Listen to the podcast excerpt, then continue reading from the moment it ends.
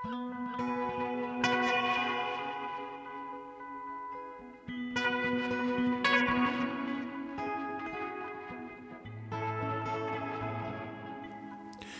og sæl, kæru hlustendur, Halla Harðardóttir og Guðni Tómasson hels ykkur miðugudaginn 15. mars hér í Víðsjá áráseitt. Í þætti dagsins svipmynd af leikara og millibilsmaður. Jónmundur Gretarsson leikari ólst upp í Vestubænum í Reykjavík og í Garðabæ. Hann sló í gegn í söngleiknum Bugsy Malone sem að settur var á svið í loftkastalennum árið 1997 en ætlaði samt ekki að verða leikari. Hann var komin í kaf í fótbolta með stjörnunni þegar honum böðst hlutverk á nýjan leik. Þá var ekki aftursnúið og Jónmundur laug prófi í leiklist frá Academy of Art háskólanum í San Francisco þangað sem hann fór á fótboltastyrk. Stuttu eftir heimkomu stopnaði Jónmundur á samt félögum sínum leikopin Elefant en hann samanstendur af leikurum sem eiga það sæmægilegt að vera Íslandingar af blönduðum uppruna. Elefant sett á svið leikverkið Smán eftir Æjat Aktar í þjóðleikusinu 2017 og hópurinn stýgur þar á svið aftur annað kvöld þegar þau frum sína Íslandsklukkuna undir leikstjórn Þorleifs Arnar Arnarssonar. Jónmundur verður gestur okkar í svipmynd í dag. Svo fáum við bókmyndaríni, millibilsmaður heitir heimildaskaldsa Hermanns Stefanssonar sem að gerist á fyrstu árum 20. aldar. Þar eru jöfnum höndum tekinn fyrir sjálfstæðismálið og spiritismin. Sölvi Haldarsson, bókmyndarínir Viðsjár, segir okkur skoðun sína á verkinu í þætti dagsins.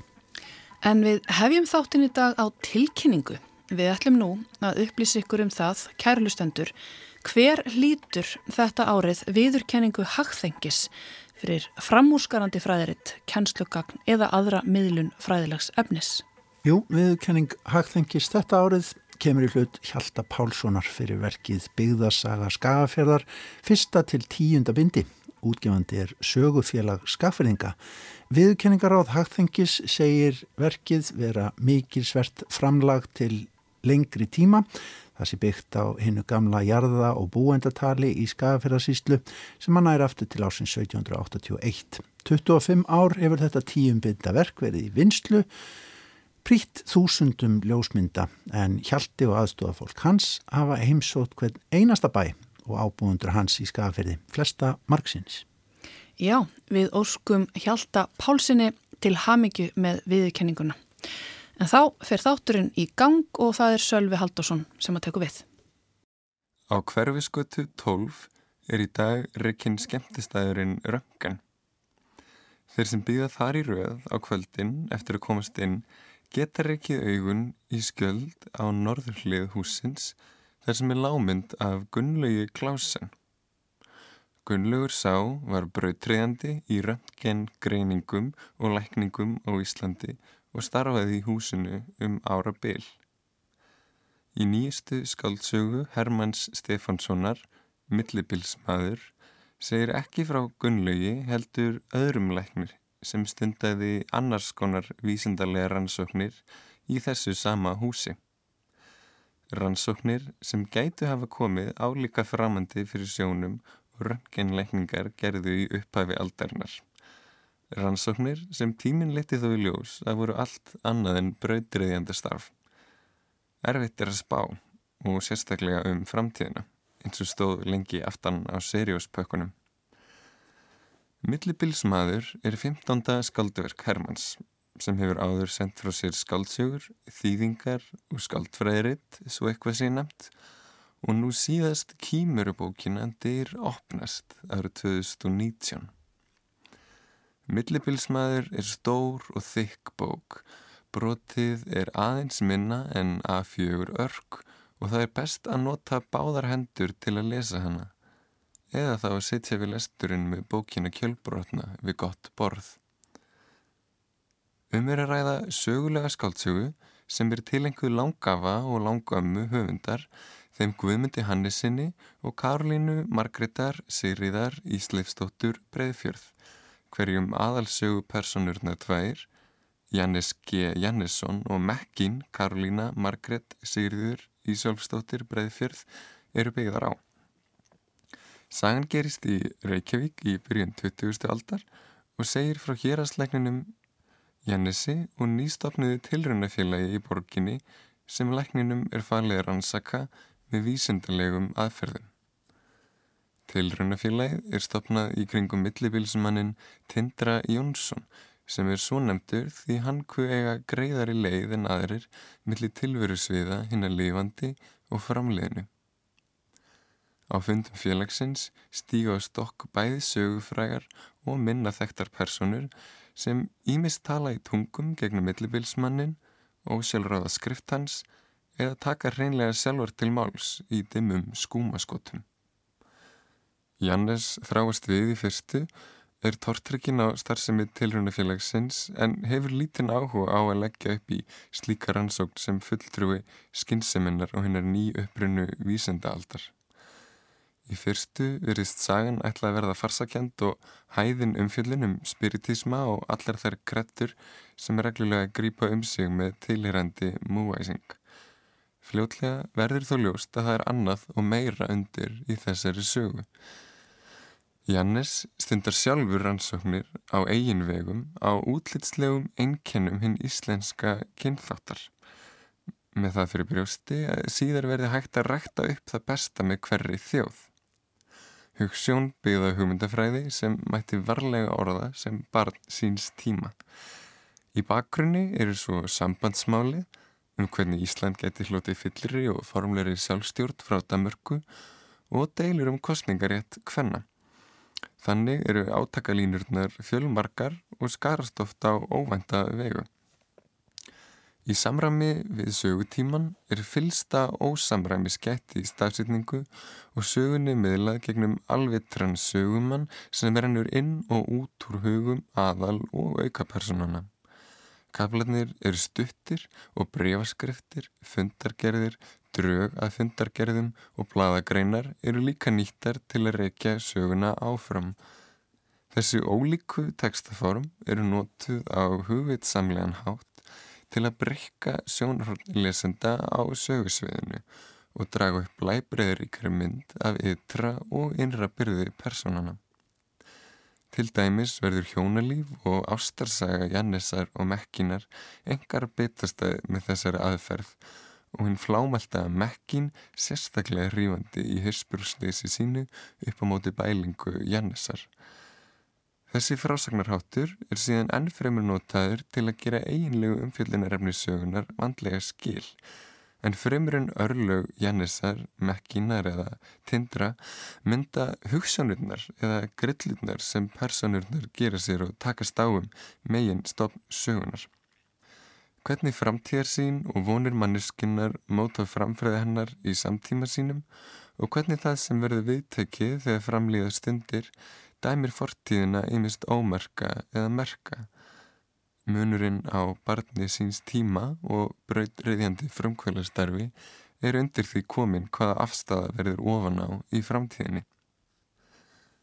Höfundur vinnur með dullrænu áfungana í tilrunafélaginu í takti það þannig að tekstinn tekur hvergi beinlínis afstöðu með eða á móti réttmæta sálfarana. Þessi stað kemur hann að málafloknum á ímsa áhugaverða vegu Andatrúni er til að mynda stilt upp á móti ímsum yfirvofandi tækniníjungum og framförum 20. aldar en samskipti þvert á tilveru svið, ef rétt mæti reynast, getur sannralega haft ríkulegt praktist gildi og verið samfélaginu til góða. Þannig mætti jafnvel skoða skáldsöguna sem vísenda skáldsögu þar sem manneskennir mátu við nýstorlega tækni sem breytir afstöð hennar jafn til sjálfrari sín og umheimsins. Í beinu framaldi af því má nefnaði höfundur nýtir allt um likjandi döluðuna einnig til að stilla upp einnig allra ferskustu og best stíluðu kynlífsennu sem ég hef lesið lengi. En það er þegar millibilsmaðurinn sjálfur, Tindri, og danska skaldkunan stór ættaða Dorothea Jensen eiga saman launhelgan og epifanískan ástarfund á Eirarbakka. Það er svo með djúb hugli um fjöllun, um sorg og meðlíðan sem höfundi tekst hvað besta sannfæra lesandan um allstað spiritistana. Því það er í missinum og þunga viðvarandi sorgarferlinu sem fylgir honum sem skilin millir hennar lifandi og dögðu verða í senn raunveruleg sem aldrei fyrr og ónáttúruleg og fáránleg. Með millibilsmanni hefur Hermanni tekist að skapa stór skemmtilega og breyða samfélagslýsingu með fjölda spennandi aðgöngulega úr okkar skautaða samtíma. Mitt í öllu bramboltinu sprettur fram í tekstanum heitlandi og óvænt tillaga um umbörðarlindi og gildi þess að vega aðurleysi og góðmennskuna jafn þungt og hugssjónir sínar. Líkt og skýtur upp í huga einnar gestastjórnu skáldsjónar Einar Há Kvaran gæti vel verið að trúin á óhjákvæmilega framtíð sé eitt að afar varasamasta sem hægt er að leiða til fundar við hugssjónir sínar. Saði Sölvi Haldursson um millibilsmann Hermanns Stefánssonar. Og þá er komið að svipmynd vikunar. Jónmundur Gretarsson, leikari. Hann ólst upp í Vestubænum í Reykjavík og í Garðabæ. Hann sló í gegn eftirminnilega í söngleiknum Bugsy Malone sem settur var svið í loftkastalunum árið 1997 en ætlaði samt ekkit endilega verða leikari. Þó nokkrum árum síðar, eftir glæstan feril í fótbolta, fór Jónmundur til San Francisco að læra leiklist. Stutt eftir heimkomu stopnaði hann á samt félögum sínum leikopin Elefant. En Elefant samastendur að leikurum sem eða það sameinlegt að vera Íslandingar af blönduðum uppruna. Elefant setti á svið leikverkið Smán eftir Ayat Akhtar í þjóðlikursinu 2017 og hópurinn stýgur þar á svið á nýjan leik annað kvöld í kassanum þegar þau frumsýna Íslandsklukkuna eftir Haldólagsnes í leikstjórn Þorleifs Arnar Arnarssonar. Jónmundur er gestur viðsjár í dag. Hér er tónlistin sem hann komið. to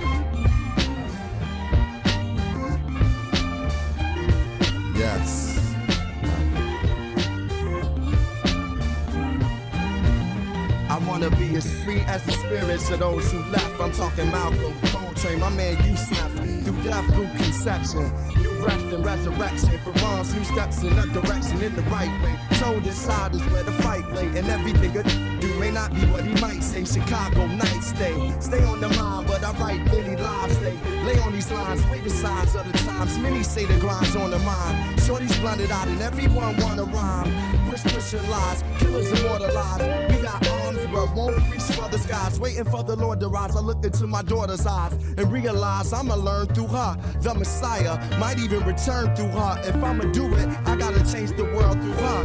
Birds in the beds, gramps wanting them. Demons and old friends, pops, they hunting them. The chosen one from the land of the frozen sun. With drunk nights, can remember more than sober ones. Walk like warriors, we were never told to run. Explore the world to return around a sober gun. Never looking back or too far in front of me. The present is a gift, and I just wanna be. Be, be, be. Be educated. Be strong. Be a doctor. Be original. Be positive. Be progressive. Be yourself. Við sittum hérna í svipmynd í Viðsjá við Guðni. Til okkar er komin góður gestur, Jónmundur Gretarsson, leikari, verður velkomin. Takk fyrir. Hvaða ljúfu tónar voru þetta? Herðu, þetta er eftir uh, uppáhalds hip-hop artistan minn sem heitir Common. Já. og ég uppgöttaði eitthvað kringum 2000 og þessi platta kemur 2005 og þetta var eitthvað bara svona wow ég bara ekki gleyma ekki mómentinu þegar ég og vinið minn vorum sko í vorum í uh, utanlandsferð með FG og bara hefði að koma ný plata með Common. Og vorum allir frekar þunnir eitthvað út á sölum eftir fyrsta kvöldi settum þetta í gang og við áttum bara ekki til orð. Við horfum bara á hvern annan bara, hvað er þetta? Já. hvaða tónar eru þetta? þetta ég vissi náttúrulega hann er frábær rappari og hefur kannski alltaf verið svona frekar kannski, já farið undir radarinn þannig sko.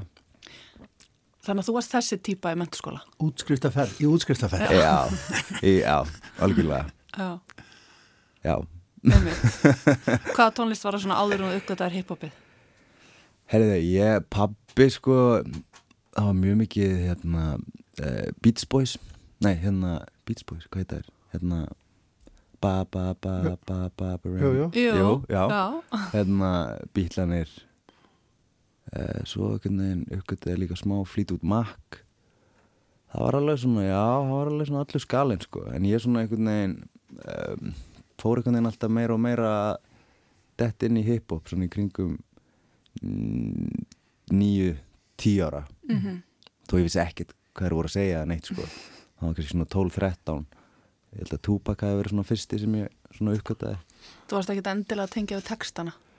Sko ekki, veist, ekki í byrjun en kannski svona í kringum jú svona 13 ára þá fór ég að fatta þá bara wow, hvað, eins og með Tupac hvað var mikið ljóðskáld sko mm. Og það voru fyrst og fremst textanir sem gripið mig á honum sko mm -hmm. alveg klálega og svo þróðast þetta einhvern veginn bara meira og meira ég fór að hlusta á meira meira hip-hop sko, Nas og, og hérna Tribe Called Quest og já svo svona með aldrinum, þá fór maður einhvern veginn að opna þetta meira sko mm. Voru leiklistadraumarnir byrjaðar að láta sér kræla á þessum tíma?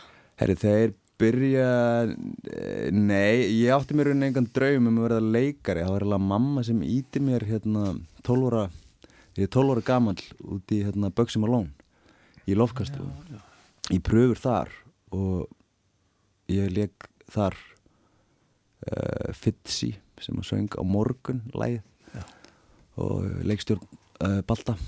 Og það var svona fyrst skipti sem ég steg á, steg á svið og fannst það alveg æðislega það gekk rosa lengi og svo fór ég þann yfir í borgarleikusið og talsið mjög mikið teikrimendir svo svona í kringum 17 ára þá fór ég á okkur svona gelgju eða bara svona kringum mentaskóla aldurinn.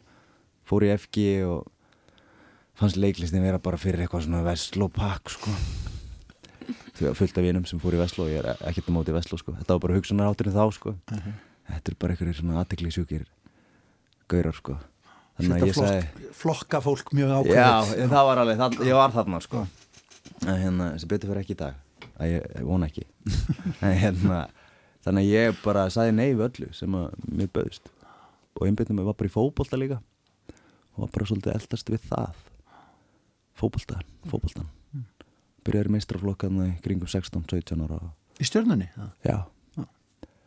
og já og spið, hætti þrítur já. Og það var ekki fyrir nýja 25 ára sem að ég fekk svona já bakteríun aftur. Það hefði Gunni Helga sambandið með og hann setið Buddy Holly hérna í Östubæ söngleik. Og Jón Ólars var að sjá um tónlistina og hann sá um tónlistina í Böksum og Lón og ég hef ekki sungið bara í ykkur 10-15 ár og ákvaða, já já pröfum þetta, fekk hluturkið og, og það svona, já, var til þess að ég ákvaða að drífa mig út í skóla. Fór til San Francisco á fókbaltastyrk sem var alveg algjör snild. Og eiginlega bara svona eini lista háskólinn í bandaríkinu sem var með bauð upp og þetta þar að segja, fókbóltastyrk mm. og það voru bara einn, já þrjú, fjögur skemmtilegust ár lífsminn sko. Mm. Þannig að maður getur verið orðið leikari með því að spila fókból Já, það er ótrúlega Það er nefnilega magnað Þetta er stór frétt. Já, minna ég komst hjá því að þurfa að fara í, pröfur og allt sko, bara út af því að ég var með gott svona CV fókbóltalega frá Íslandi sko. Og hvernig, hvernig skólu var þetta? Hvernig... Herði, þetta er einn svona stæsti skólinn í San Francisco uh, og deildinar eru vítt og dreift út um alla borgina. Rosa vel haldið utanum allt og, og konan sem á skólan uh, hún er bara einn ríkasta kona ef ekki svo ríkasta í Kaliforníu. Og ég held að það sé fyrst og fremst út af sko, fasteignunum. Mm. því þetta eru byggingar út um, vítt og drift út um borginna sko. þannig að hver deild er bara með sér reysastóra byggingu. Þannig að aðstæðan var alveg fullkominn og flott, flotti kennarar. Og uh, þetta var algjör, algjör draumur. Og San Francisco er alveg stórkosleg borg. Ég held að það sé líka svona svolítið hlutaði þegar maður tekur stökkið að fara erlendis að finna það einhvern veginn að þetta sé borg sem mann líður vel í og er tilbúin að eigða hérna þrem, fjórum árum Já. burti frá burti frá Íslandi sko og ég var líka í, í sambandi þá og fjarsambandi alveg í þrjú, fjör ár sko Mm. þannig að þetta var þetta var alveg, jú, þetta var challenging en samt þetta var ótrúlega skemmtilegt En nú er Kalifornía sko fyrirheitna landið fyrir leikara. Mm Mhm. Þið voru ekkit bara alltaf að fara aðeins, Nei, aðeins sunnar til Los Angeles og mega. nei, nefnilega ekki. Ég, hérna, við fórum alveg, vorum duli vorum fimm íslenski strákar saman byggum allir saman, ég var eini sem var í leiklist. Allir á fótboltastyrk. Og hérna eh, við fórum oft til LA og ég er ekkit þannig sé hrifin af LA sko. Við San Francisco miklu skemmtilegri borg uh, og þá bara hvað var það stærðin og allt það sko, trafík og svona. En hérna uh, ég man bara þegar ég var að útskrifast þá var ég sko komin með uh, mánuð áður en ég útskrifast þá var ég komin með hlutverk nýri þjóðlugúsi þannig að það var einhvern veginn ekkert annað í stöðinu fyrir mig en að fara bara heim. En ég man að kennarannir úti sögðu við okkur sko, já já nú hafið bara um tvent að velja, annarkvort farið til New York og reynið að meika þar á sviði eða þið farið til LA og reynið að komast inn í, inn í showbusiness sko. og þið verðið að gefa þessu svona 8 til 10-11 ár. Ef þið eru ekki búin að fá bara einu sinni bara svona auka, auka, auka hlutverk þá erum við bara að tala um bara svona extras bara ekki með neina línur eða neitt. Á tíu árum. á 10 árum, þá er bara fínt að, að gleyma þessu. Þá hugsaði ég bara þetta bara þetta, er ekki ég ætla að sjálfsögðu að fara bara heim. En það var líka á þeim tíma svona, það var kannski það var kannski svona smábyrjað sko, hérna heima með e, þessi verkefni sem voru búin að vera að fara út og, og fá umtal erlendis en samt, heyriði maður alveg að landslægi sko, eins og í skólunum mér, kennarinn voru bara, hvað ætlar að gera á Íslandi? Mhm. Veist, það er ekki þar En heimurinn er auðvitað miklu opnari fyrir Já. leikar í dag, er það ekki? Jú, miklu, það er eiginlega alveg magna og maður er einhvern veginn maður fattar að bara, þú veist, vissulega er alveg erfitt fyrir fólk sem að læra erlendis að detta inn í, inn í bransinna heima. Uh, og ég var bara heppið með það að gera ég náttúrulega hefði bara leikið áður þannig að þetta snýrist kannski allt um bara einhver bent á mig. Uh, en þetta er einhvern veginn því meira sem maður vinnur hérna heima og núna er komið mikið erlendum verkefnum og maður er að detta inn í, þú veist, erlend verkefni, þú veist, stóra myndir jafnvel, sjónvannstætti sem eru að fara erlendis og maður er einhvern veginn bara, hæ, er ég að leika á móti þessari leikona, leikara, þú veist, og vinna með þessum leikstjóra, þú veist, þetta er einhvern veginn maður fattar þetta ekki, sko, maður maður lítur svo þetta er svo stórt eitthvað, sko. Mhm. en svo einhvern veginn opnar þetta allt bara með eh, tilkomu þess bara hvað er í gangi. Streymisveitunar eiga þetta daldi stóran þátt í þess að það ekki að koma okkar efni bara það er allt orðið aðgengilegt Alveg við erum hérna með tjekniska serjur í sjónvarpinu heima hjá okkur og, og Einmitt. einmitt. alveg klálega Mhm. og það er einhvern veginn, maður finnur það líka bara svo rosalega mikið að hæfileikar ykkur fólki þú veist, uh, í, á öllum sviðum í þessum bransa Um allan heim. Já, Já. Og, lí, og bara líka hérna á Íslandi líka sko, þá er ég að meina bara að, þú veist, eini munurinn á þessum kannski stóru verkunni sem maður hefur svona dottið inn í eru erlendu þar að segja er bara, er umfangið þú veist, það er uh, production er svo rosalega stór en þetta er samt, þú veist bara það sama í rauninni, þú veist og minna í erlendu verkunni sem hefur tekin hérna er mikið að Íslingum að vinna þannig að, þú veist, þetta er rosalega mikið hæfileikar ykkur fólki en það og veginn allt til alls Mhm. hér En hafðir þú ykkur hugmyndur um það hvort þú vildi freka fara á svið eða vera í bíó?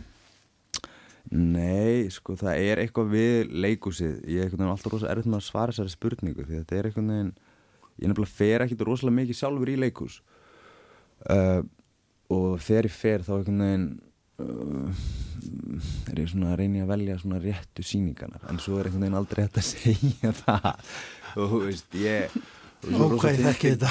Nei, og líka svo fyndið að vera sko sjálfur leikari einhvern veginn og um, en það er bara að gerist oft að maður sest inn í leikus og svo bara eftir 5-10 minnur ertu bara á hverju var ég að fara á að, þú veist og menn, en svonlega, menn, ég, svo getur vel að fólk hugsta þegar maður er sjálfur að segja, fattur, þetta já, tengist því ekki neitt, sko. En hérna, en það er einhverjir töfrar í leikursinu og við leikusið og ég tala nú ekki um þegar það er ná að grípa þig sem áhöröndur, skilur, fyrir áhöröndur þá, það er þessi einhvern veginn, þessi orka inn í þessu rými sem að getur orðið svo sterk og svo falleg. Þetta verður svo mikið töfraland svona og mér finnst það rosalega heilland og sjarmarandi en hins vegar finnst mér alveg uh, formið vera mjög challenging, veist, það er það. Uh, þetta er náttúrulega ekki naturalismi og þú þarft að tala skýrt og taka þetta um orðin og allt það. Þannig að ég er svona mér finnst það, mér finnst það mjög, mjög, mjög skemmtilegt en á saman tíma líka mjög erfitt. En ég held að það líka er bara eila verða að vera sko mm -hmm því annars er maður einhvern veginn bara komin á einhvern einhver endastöð sko. Við erum ekki komin á endastöðun eða ekki fá annan lag. Endilega. Þú segja hvað þetta er? Herðu, þetta er hérna Óli Arnalds og Bonobo lægið Loom tveira mínum uppáhalds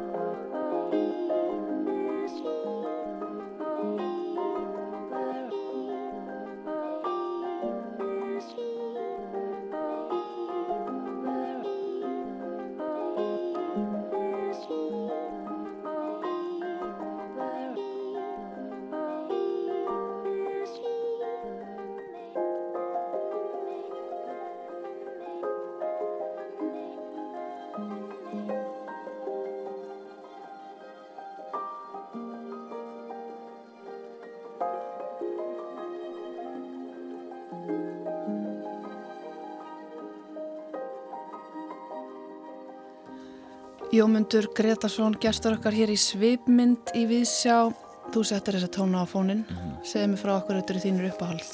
Uh, uh, Bonobo er breyti sem að ég byrjaði að hlusta á í kringum 2010. Ég held að það sé svona árið setna, einu og hálf árið setna sem ég byrjaði að hlusta svolítið mikið líka á Óla Arnalds.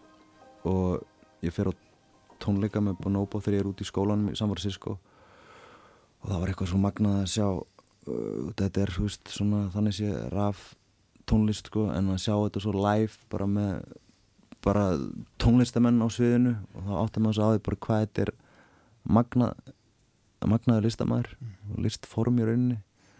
Og svo fatt að þetta líka ég fyrir Óla Arnalds líka út í Francisco og verði einhvern veginn alveg bara svona húgt. Þeir verða svona fljótt bara báðir svona bara svona upp á allt listamenni mínir einhvern veginn og Óli einhvern veginn og þeir báðir og kannski Óli sérstaklega einhvern veginn það er alveg magnað einhvern veginn tilfinningaskalin sem maður fer í gegnum bara einu lægi á Óla sko. Það er bara, það er gleði, sorg, hamingja það er alveg, það er bara, það er ótrúlegt. Ég bara skil ekki hvernig hann fer aðeins bara snillingur. En hérna já, svo, svo, svo uh, leki í í tónlistamindbandi hjá Óla 2017 plutunni sem hétt hérna Remember og það líka var bara svona wow, Jesus Christ sko, það er gaur sko. Þannig að ég einhvern veginn er alveg bara svona það er ekki fáir, ekki margir sem ég er svona alveg missið mig yfir en þeir tveir er alveg þar sko. Og svo bara, ég man bara í tökum á þessu myndbandi þá segir Óli mér að hann sé að vinna einhverju nýju efni og sem svona gera lag með Bonobo en hann veit ekki hvort það er rata á plötuna og ég bara býði hann Bonobo er stærsti gaur í heimi í þessum bransar það er ekki að hafa hann á plötuna ég bara og þá áttaði maður já, Óli er náttúrulega líka orðin bara fárálega stór. Og hérna svo núna 2020 þá koma þeir með þetta lag sem var líka tilnæmt til Grammy-veluna þannig að mér fannst einhvern veginn ég fylgta lög með Bonobo og Óla en mér fannst einhvern veginn perfekt bara að nota þetta lag eina lagi sem er að gert saman sko. mm -hmm. Herðu en snúum okkur aðeins svona verkefnum já, þessara daga mm -hmm. það er frumsýnd annarkvöld í þjóðlíkursinu mm -hmm. uppfæsla á Íslandsklökunni eftir Haldur Lagsnes og já. það er þessi leikópur Elefant sem, að, sem að stendur á honum. Uh, segð okkur aðeins frá uppruna þess leikóps þetta eru uh, ungi leikarar sem eiga það sammeilegt að vera blöndum uppruna Já, passar. Hvernig þetta er Er þú stopnandi hópsins? Já, ég er stopnandi hópsins. Ég uh, já, ég var að vinna hvað, eitt og hálft, tvö ára nýri þjóðlugúsi eftir ég kem heim og var svona að byrja að, að detta inn í, í sjónvarplíka og bíó. Og þetta var svona þetta var svona í kringum þetta uh, tímabil þar sem umræðin var kannski, hún er vissulega ennþá mjög heit en svona kannski var komin á svolítið mikið flug varðandi innflytjendur og, og múslima og allt þetta og ég einhvern veginn svona fann þess að þörf einhvern veginn til þess að einhvern veginn að reyna að hafa einhver áhrif uh, og ég er ekki beint þessi Facebook status týpa þannig að ég var einhvern veginn ekki að fara að negla einhvern status. Og langaði einhvern veginn að finna leið til að nota listina. Mm -hmm. og ég manna Liljanótt, vinkona mín, uh, leikona hún sagði mér bara, hverju bara veist, finnur ekki eitthvað verk, bara stopna leikup og bara kýlar á þetta. Þannig að ég finn verk á þessum tíma sem var eitt mest uppsetta verkið í, í Ameríku. Uh, hér Disgraced eftir Ayat Akhtar sem fjallaði um hvernig vestræn uh, nútíma samfélag líta á aðra kynntætti og, og trúabröð og við settum það upp í neyri þjóðlugursi 2017 og síðan þá þá svona held maður kannski svona ok, við erum búin að gera þetta og þetta gekk rosa vel, fór í 30 síningar og, en svo er bara einhvern veginn samfélagið og heimurinn þannig að það einhvern veginn gerist alltaf eitthvað nýtt og, og það hefur áhrif veist, verandi ætlitur uh, litaður íslendingur maður hefur vissilega lendi alls konar gegnum æfina Ætlitur hvaðan? Sílanga mm. 85 og þannig að ég svona einhvern veginn fór að taka þessu svolítið bara svona persónulega og byrjaði vissulega að fá veist, fara að fá uh, dettinni fleiri síningar og fleiri hlutur ekki bí og sjómorfi og svo kemur þessi hugmynd frá Steini Bakk og segast með mér hérna þegar við settum upp smán, segast Disgraced smán hérna á íslensku.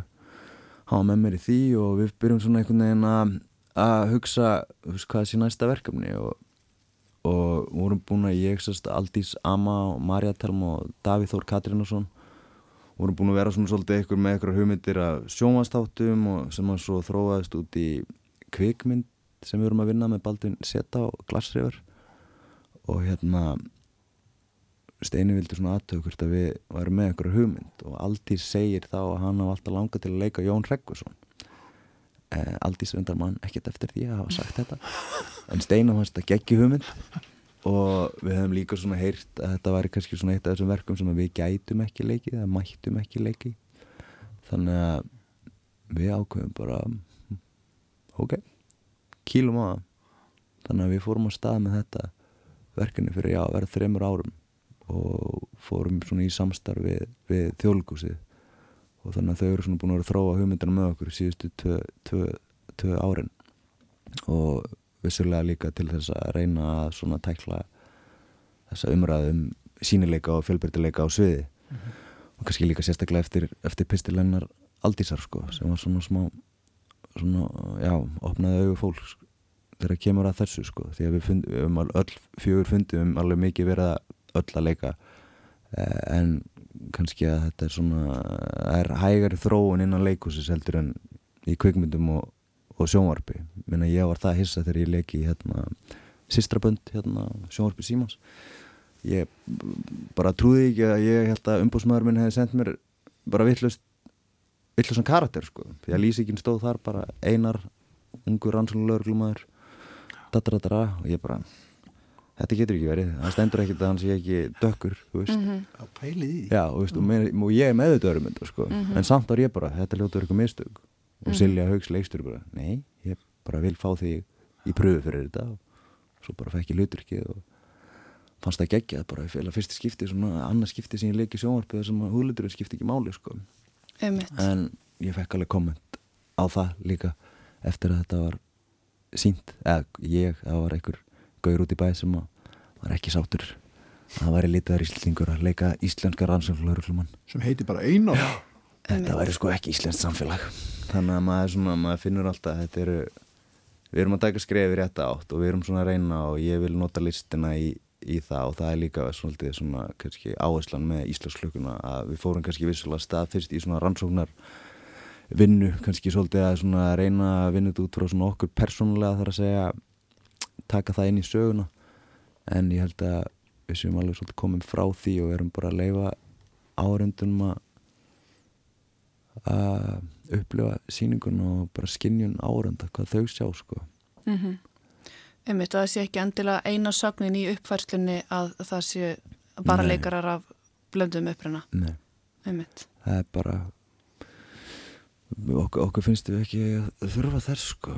Það er bara, veistu, ef að, ef að kommentin koma og þau munum koma, það er bara þannig. Við erum mm. að taka verk eftir lagsness. Það er það bara alltaf leið? Já, já. það er bara alltaf það er bara hlutaði og við vitum það alveg, við erum þessi fyrsta kynslu líka uh, leikara með erlendan bakgrunn og það er kannski svona vissulega er það fylgir því ábyrð mm -hmm. og við vitum alveg hvað við erum að gera og við vitum af hverju við erum að gera þetta og við erum að gera þetta fyrir okkur og, og fólkið En hvernig er að gera þetta? Hvernig er að kafunina texta og, og hugsa um alla þá svakalegu hérna undirteksta sem eru í, í þessari bók og, og nýlendu hyggjuna og allt Einmitt. þetta sem að er í þessu. Já, Þetta er aldeilis verk til að velta fyrir sér hvaða þýði að vera Íslandingur það, til þess að brjóta upp já, fyrir nýja tíma Alveg klála og það er líka ástæðan fyrir völdum þetta verk sko, því þetta er náttúrulega bara svona fyrsta læstur og kannski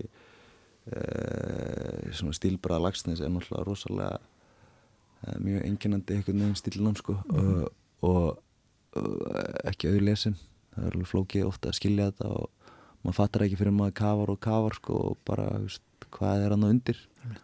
Að ná utanum þessar hugsanir. Og, og við einhvern veginn ákvæðum að einmitt að leifa þessu manna, út af því að við erum bara að vinna með textan í bókinni. Og það er bara nóg allt, mm -hmm. upp bara það kemst, kemst í skila eða kemst í skila En hvernig, já, en hvernig uppsetning verður þetta? Þarf sko auðvitað að hafa ég held að flestir Íslandingar hafi lesið mm -hmm. Íslandsklukkuna mm -hmm. en, en er nöðsilegt að þekkja söguna í þaula og ríðan upp til að upplifa uppfærsluna sem þið ætlaði að bera borð?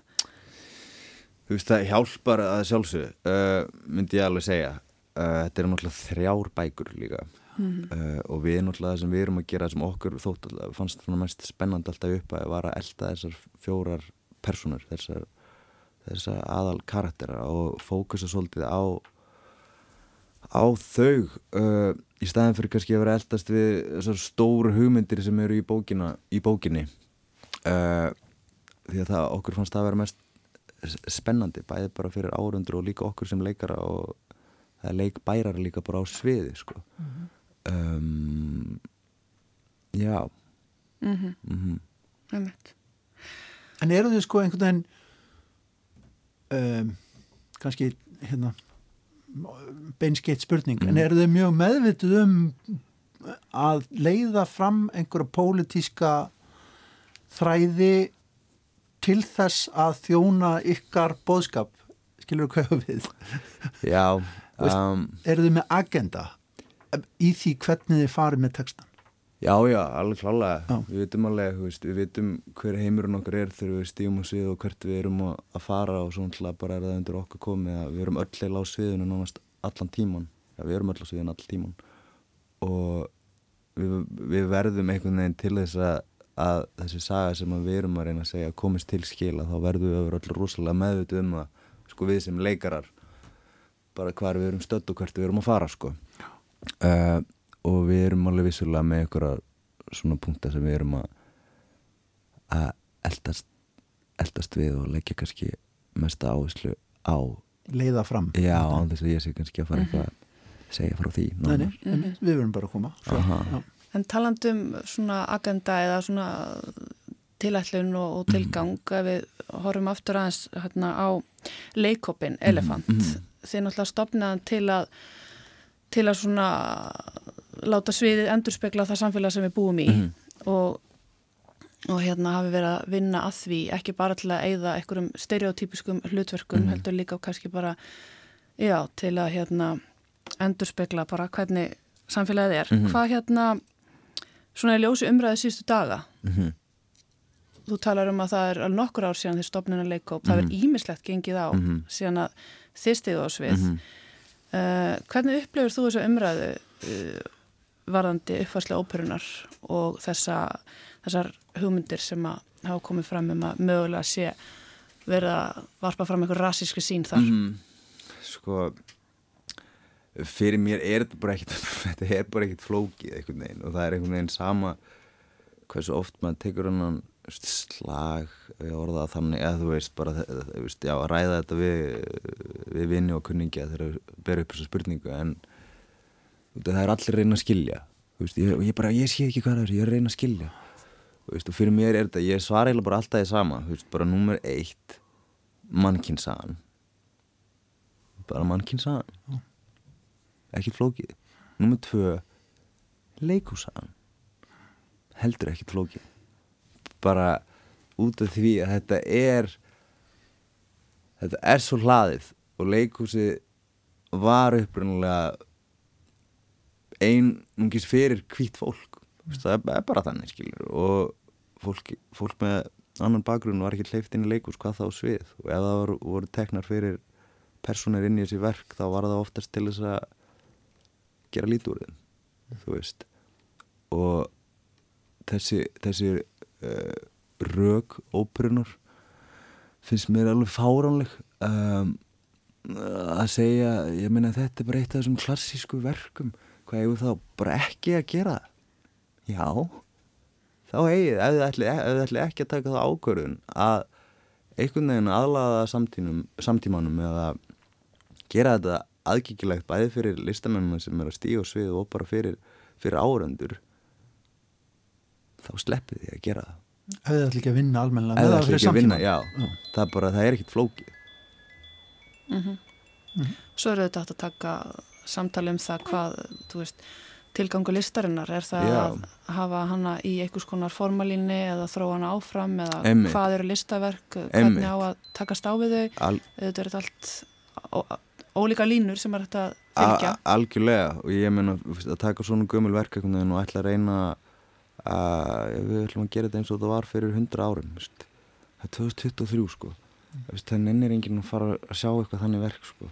Ef sem ég persónulega myndi til dæmis ekki ég myndi ekki nenn að fara að sjá Íslandsfluguna þú veist eins og maður gerði eins og maður 1950 gerði- nei, það er bara, þú veist persónulega bara ekki sjens Það myndi allavega ekki laða unga fólki að leikúsinu. nei, ekki beint, það er ekki opnandi. Nei. nei, alls ekki. Það, það, og meni, það er líka held ég sko, einu leiðin til þess að fá þessu klassísku bestu bestu verk til þess að lifa og ástæðan fyrir að lifa áfram er út af því að þau eru sett alltaf upp eða þegar þau eru gerð þannig að þau eru verið aðlega að samtímanum. Það er eina leiðin til að þau lifi áfram finnst mér. Við skulum láta þessi frábæra orð vera loka orðin hjá okkur í svipmynd í viðsjá í dag, Jónmundur Gretarsson virkilega gaman að hafa þig. Við endum samt alltaf þessa svipmynd á smá hraðaspurningum. Á spurningalista Proust. Og hér kemur fyrsta spurningin. Hvað kanntu best að meta í fari vinaðina? auðmygt, húmor og gleði. Já, Fallegt. Hvað er hamingja? hvað er hamingja hamingja er að vera án, ánæður með lífið bara hverju sinni og takast á við allt sem fylgir og vita að það verður bara allt í lagi held ég. Að þú væri dýr, hvaða dýr væri þá? Ég myndi vera ljónila. Ljón og górila Ok. það er kannski rýmar alveg við loka lagi. Það er Sæglópur með Sigurós sem er farin í gang hérna undir. Takk kærlega fyrir komuna Jómundur í fyrir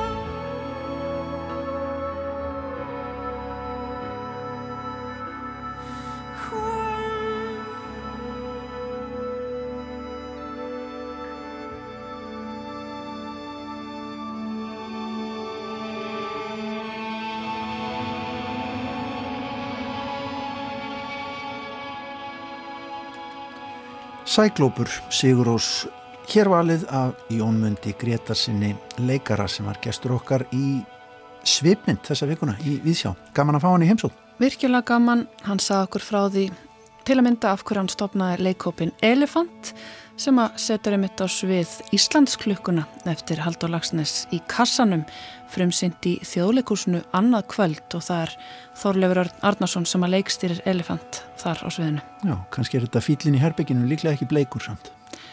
Ég veit það ekki, það eftir að koma ljós, kannski bara morgun. Nei, og kannski erum við of upptökin af litum fíla, almennt. Já, það getur bara vel verið kunni. Sko, Við ætlum að huga að myndlist á morgun hér í Vísjá, við ætlum að fá til okkur gott fólk, það verður að fara að veita íslensku myndlistavelun annað kvöld og það verður heilmikið fundahald á morgun í tengslum við það, veitum við, og við fáum til okkar, já, sérfræðinga í myndlist og málefnum myndlistar á morgun. Ræðum það ítalega við goða gesti. Já, þátturinn á morgun verður eiginlega bara láður undir myndlist. Akkurat, og fulla ástæða til að ná að gerast í íslensku myndlistalífi, en um, Látum þessu lokið í dag á getur hlustundur í Víðsjá. Við fengum svipmynd og við fengum bókadóm í dag. Það er nokkuð góður middeltími. Já, og myndlista morgun. Takk fyrir samfélgina og verið sæl. Verið sæl.